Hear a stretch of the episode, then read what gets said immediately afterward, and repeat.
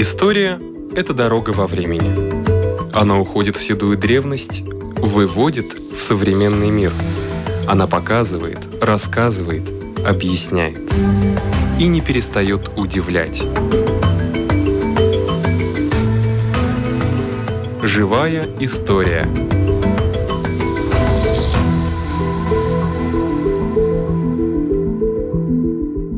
У микрофона Лидия Чера.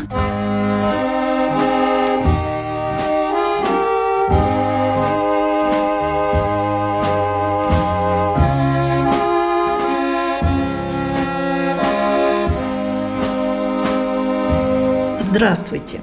На 60-е годы прошлого века пришелся расцвет текстильного искусства Латвии. В золотой фонд вошли работы мастера этого творчества Айны Музе. Совсем недавно свет увидела книга «Айна Музе. Бесконечная нить». Это рассказ о ее многосторонней творческой деятельности с комментариями и воспоминаниями современников.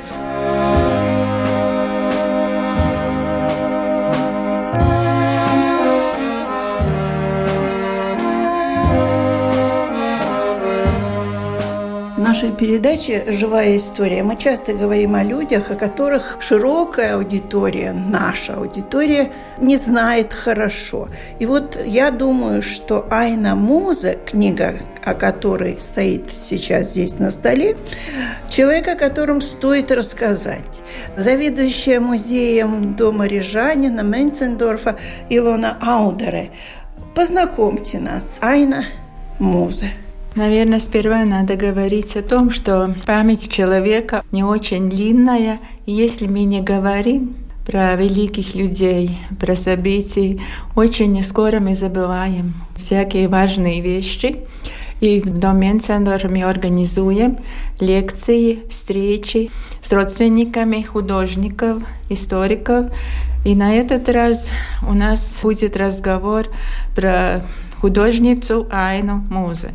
Про ее не только как про художницу, как про человека, который был очень такой талантливый, доброжелательный во многих сферах жизни, не только по искусству. У нас, У нас в гостях дочь Айны Музы, тоже художница, Элина Лусис Гринберга. Госпожа Элина, понятно, мать художница, значит, вы с самых первых дней были уже как-то ознакомлены с ее творчеством, что она делала и давала ли вам какую-то тоже возможность себя творчески реализовать. Но это точно так, как вы говорите. И, может быть, немножко пошире смотря, у меня какой-то особый статус, и я думаю, я не была бы художницей, если я бы не росла в такой среде, потому что мой папа тоже известный художник, и живописец. Сколько я себя помню, там всегда кисти, краски. И тоже я помню, всегда ждала маму, когда она еще работала на заводе Рига Саудумс, под станком. И она всегда восхищалась, в кавичках, как я э, все с этими мотками, все сделала уже новую работу для нее. И она провела какое-то время все это приводя в порядок. Но, конечно, я не могла из этого мира как-то отделить себя даже. И я думаю, натурально, что я тоже очень много научилась. И хотя я училась тоже в Академии художников у великого мастера Хеймратса, очень интересный факт. Мама была первый выпуск – когда основали текстильное отделение у Академии художеств в 1961 году, она была первой выпускницей. И я была последним выпуском у Хеймратца. Какой-то замкнутый круг получился, но несмотря на то, какая личность была Хеймратц и а, Академия по себе, эта среда, я всегда считаю маму и папу моим самыми большими учителями.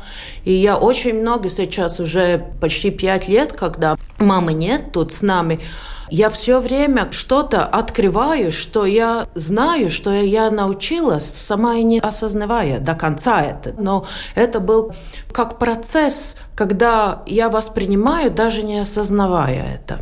Это интересно, конечно. А кто были первыми выпускниками вместе с вашей мамой? Кто учился еще? Там была очень интересная история, потому что два курса, как-то они начали э, отдельно, но два курса закончили вместе. Это был 66 год, и мы знаем Илма Аустриня, Рита Эглита, они еще соратники, сверстники. Интересно то, что потому что они были первыми, они не только вот как художники сделали эту основу и шли свой путь, но с именами, как и мамы Айна Музе и другими, Хеймрад в первую очередь, тоже Эдита Паулс Вигнер, который мы все хорошо знаем и любим, они очень тесно связаны со всей историей латышского текстильного искусства. Как он пошел вверх, с этими связана книга. И с этими тоже было и трудность, и ответственность делать, потому что это уже как культурный знак. Искусство открывает и процессы в развитии текстильного искусства, как латышского. И это нелегко. Но очень интересно, и люди, которые вот уже книгу и посмотрели, читали, они говорят, весь этот спектр очень интересен, потому что он включает все процессы.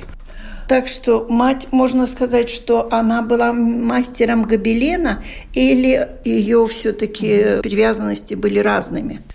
Она начинала, и после студии, конечно, самый как бы основной был гобелен качество. Но обучение в Академии художеств тоже, там и есть набивка, там есть батик. Очень широкое. То, что, да, вот этот текстильный спектр.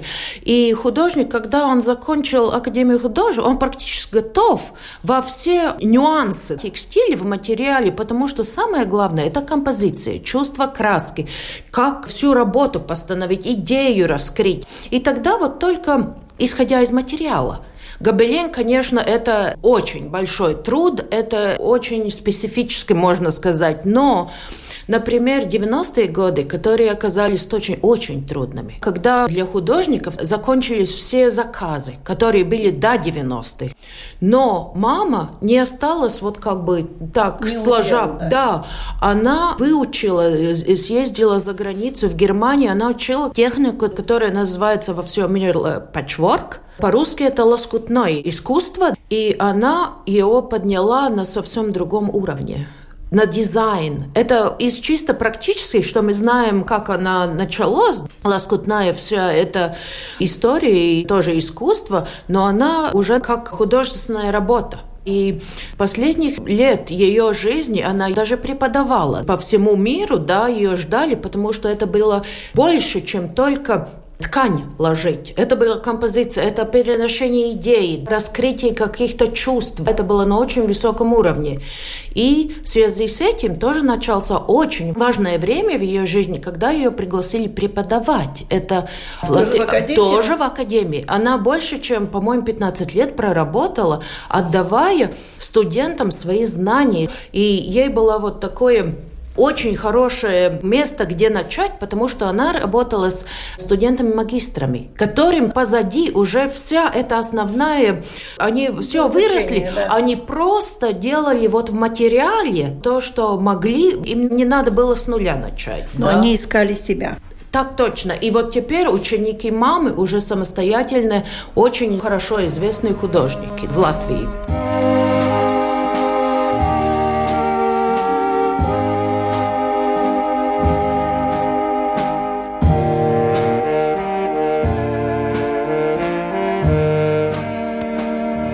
Госпожа Аудере, а вы какие работы видели, знаете Айны Музе?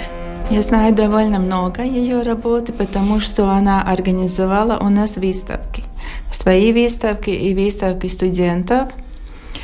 И она всегда говорила, что искусство – это открытое окно, учила своим студентам и традиции, и оставила место для новых тенденций, для своего такого взгляда на мир.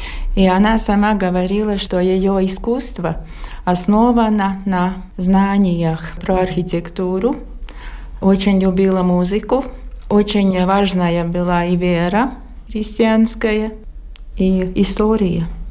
Да. Очень многие работы посвящены истории города Риги, старинной Риги.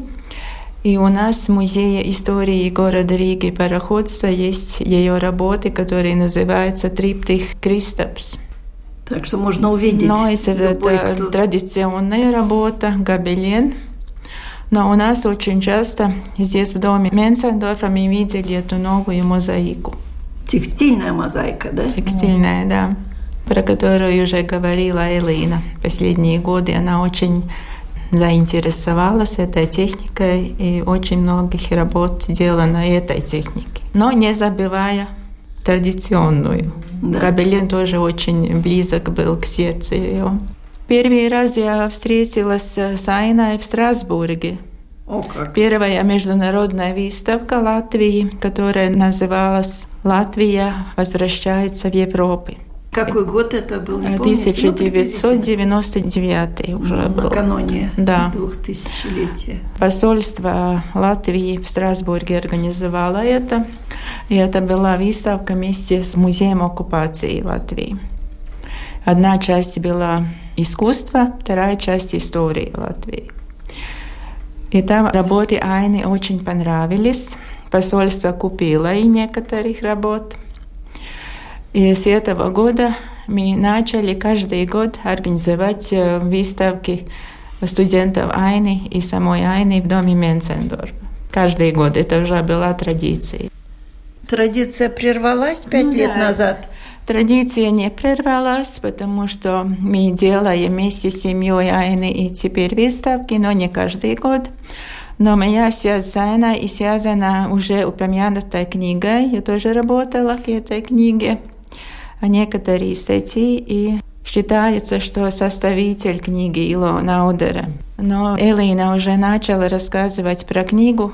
Книга очень отличается от других книг про искусство, потому что она сделана как мозаика про жизнь Айны. Можно открыть? Да, там есть и биография, и искусство, да. и очень многие авторы, современники, художники, члены семьи, друзья они пишут свои воспоминания и свои такие мысли про работу Айны и про Айну как про человека, интересного современника. Книга тоже очень такая яркая, потому что есть очень много иллюстраций, не только фотографии, но есть и иллюстрации самих работ довольно много. Ну, есть и портреты, есть и акварели. Нам вообще это была очень сложная задача. Всю эту эпоху в одной книге стараться. И моя сестра, мы обе как-то поняли, что это наша миссия. Как я уже упомянула, это не только об Айне, но о всей этой эпохе. И очень интересно узнать, как было вот обучение в то время, работа на заводах. При всем советское время, как с очень маленькими средствами можно достичь большого результата. Было нелегко легко, что оставить за пределами книги. Потому что ее творческое наследие очень объемное. И сперва мы хотели просто как каталог но мы поняли, что людям надо и эта личность с большой буквой понять побольше. И это без того, чтобы узнать, что происходило, как все было. И мы тогда вот структурировали эту книгу, тоже симпозии, которые начались как раз с этими. Есть отдельные вот об учебе, о педагогии, о интерьерах. Уже Илона упомянула, что о Страсбуре у мамы было, по крайней мере, 10 посольств, где ее работы до сих пор. И в Праге, и в Канаде, и тоже заказные работы в интерьерах, не только по Латвии, тоже Магадан, Новосибирск, Москва, само собой. У нее так много, многие говорят, как она успела все это заодно, вот как бы жизнь, жизнь да? да.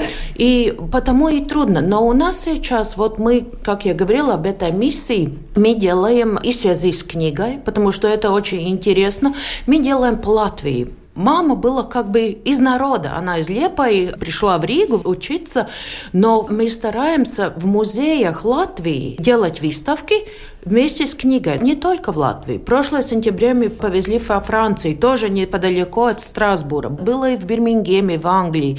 И мы стараемся все это наследство показывать. И люди очень благодарные. Говорят, Знаете, и не кажется, что эти работы сделаны 20 лет назад. Она как бы жила впереди своего времени. Это дизайн, эти идеи, эти работы, они актуальны. И кажется, это вчера сделаны. Они не стареют.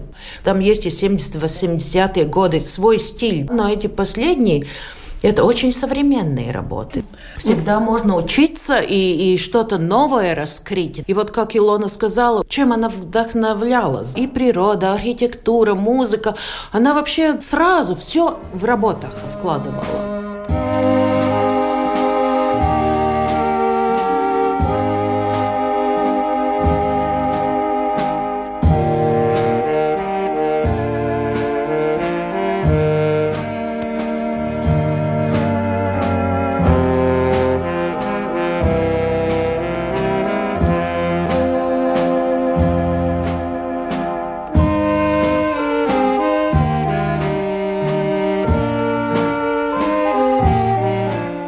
Понимаю, как хранят картины. Там нужна определенная температура, влажность.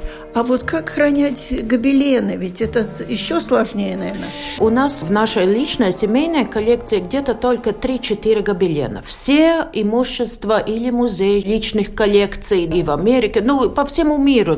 Она известный художник и э, нормальным образом все в рулонах. И тоже вот текстильная мозаика, пэтчворк, тоже есть, потому что я сам художник по текстилю, я знаю, как надо вот эти рулоны. Конечно, для гобелена надо проветривать моль, это очень надо опасаться, да, это враг номер один.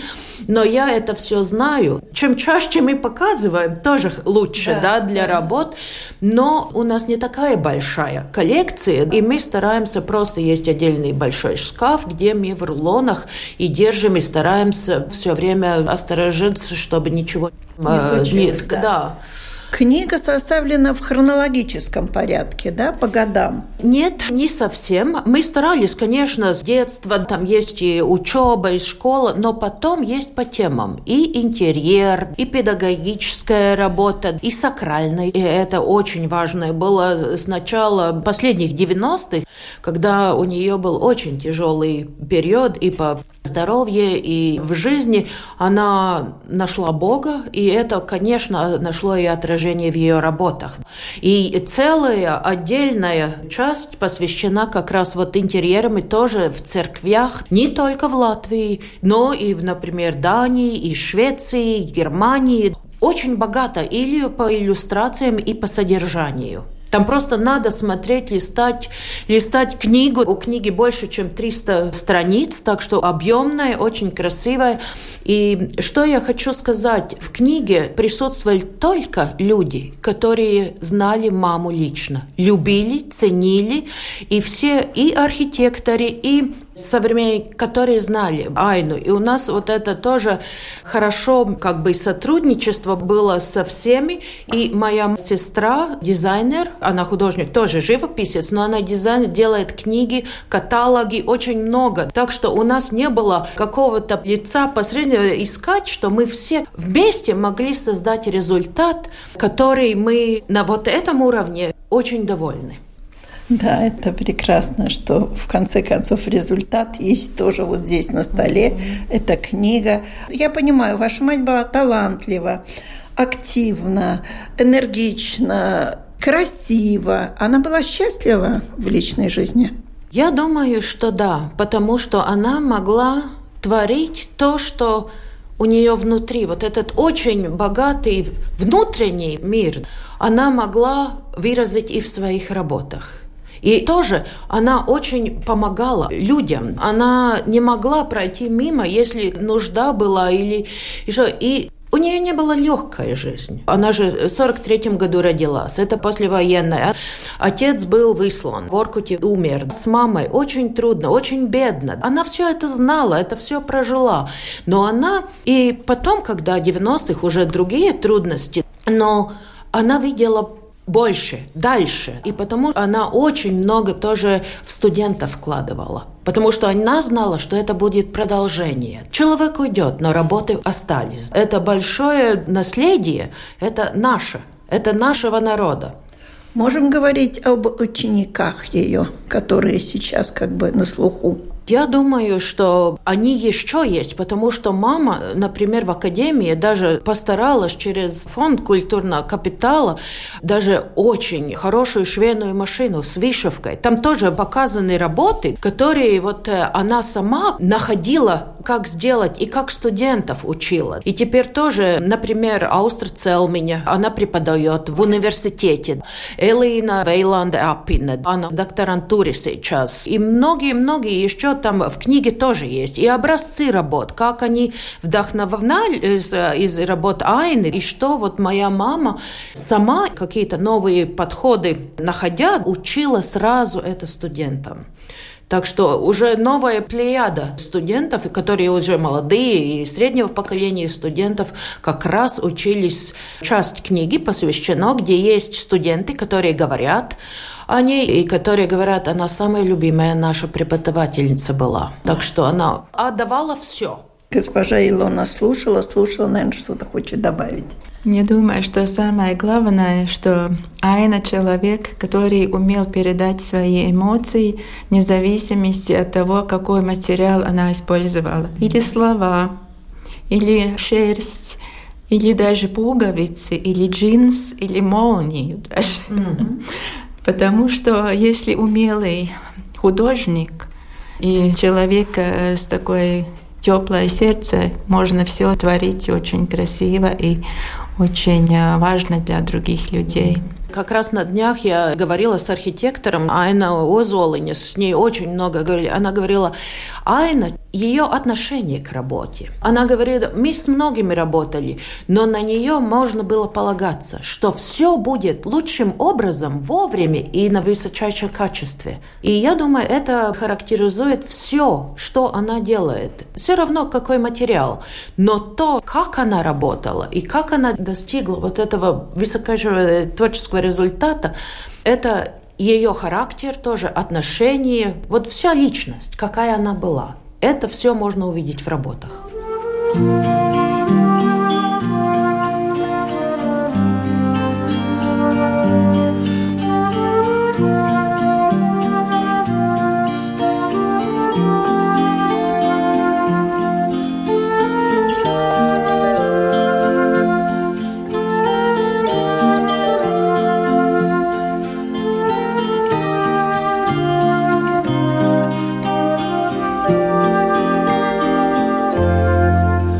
Интересная история, которая тоже мы пытались как-то сложить как пузло все потом вместе. Была история творения гобеленов, четыре, это как проект для Рундальского замка. Четыре гобелена. Четыре гобелена, было четыре автора. И был конкурс Министерства культуры, искало, которые ткали гобелены, которые могли выполнить вот это задание. И тогда четыре автора. Рудольф Хеймрац, Эдита Паулс Вигнера, Илма Аустриня и моя мама. И была очень высокая задача сделать вот под этот интерьер барокальный, чтобы он не был новым гобеленом, но все-таки заново соткано, и как раз для рундала. И они ехали очень долго, продолжительно. Мама ткала этот гобелен пять лет сидела за станком, очень тонкая работа, но сперва как они изучали? Они ехали, в то время это еще Ленинград был, в Эрмитаже, все изучали старые шпалеры, даже краски, когда эти синяя-желтая гамма, оказывается, это был зеленый, просто он стал синим, когда выго... не выгорел, но просто со временем да. эти краски. Но они делали как старый. И у моей мамы, и у Хеймраца единственные были фигуральные. Эта задача очень трудная, конечно, с фигурами и бордюрами. И мама делала еще как бы студии, но маленькие работы перед этой большой работой. И вот в 1986 году, когда у нее была персональная выставка в соборе Петра, она выставила этот работу 2 на 3 метра. И даже ну, не верится, что можно вот такую работу сделать. И даже очень-очень жаль, э, Хеймрадс не закончил даже свою работу. Но вот эти четыре работы для Рундалы очень интересный проект. Много материалов тоже на, на это как раз в книге. Этот гобелен так и находится в Рундале? Да, но я не знаю, почему он в закрытых помещениях. И многие вот искусствоведы тоже, которые вот это изучают. Я сама писала в своей работе магистра. У меня есть часть, я как раз на этих рундальских проектах, и сейчас тоже пригодилось вот это интервью как раз с мамой. Я перечитала и думала, ну, надо же. Вот подсказка. так. Подсказка, да. И я, конечно, с Эдит Паулс Вигнер, я с Мартинем Хеймрадсом много говорила. Все эти маленькие мозаика, чтобы нам вот эта картина, целая, целая часть вот книги тоже есть, посвящена Рундальски. И многие спрашивают, а почему не видно?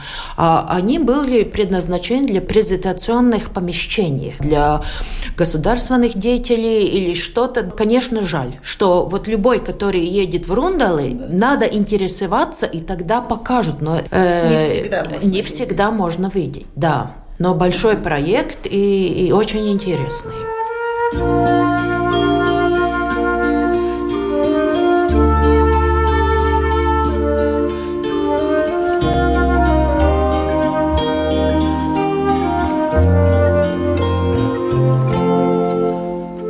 Латышские художники по текстилю того времени, вот эти первые выпускники, мы называем «золотой фонд». Они, потому что профессионалитет – это высочайшее качество.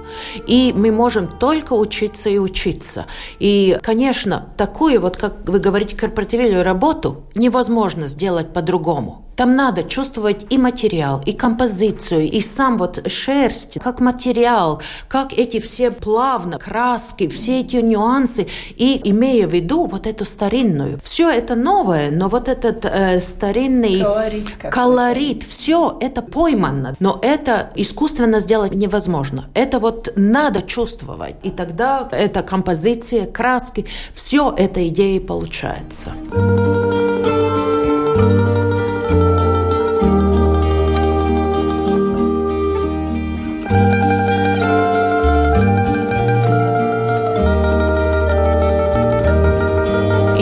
Книге тоже очень важно упомянуть, что даже название раскрывает то, что мы хотели и показать, и по-философически даже. И название «Бесконечная нить».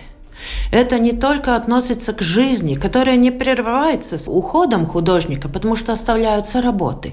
И тоже все, что она творила, либо гобелен, либо ткань, это все нить. И идея как нить. И под этим все можно как бы в единую композицию. И книга посвящена также тому. И все выставки, которые мы сейчас организуем и по Латвии, и э, за рубежом, все идет под этим названием. И книги как общий проект «Бесконечная нить». А в этом году какой-то юбилей нет? Айны Музе. Нет, юбилей будет в 23 году, когда ей исполнилось бы 80 лет. В следующем году. Но мы планируем выставки. У музея стоим в очереди, потому что многие откладывались. Мы же знаем, какая была ситуация. Но ее ждут, ее знают, ее любят. И то, что текстильные выставки когда-то ездили в Ригу только, теперь есть очень прекрасный музей и по периферии, и в Алмере будет, мы с Мадоной уже говорим, и Гулбене. Так что проектов есть, и те, кто заинтересован, следите за информацией.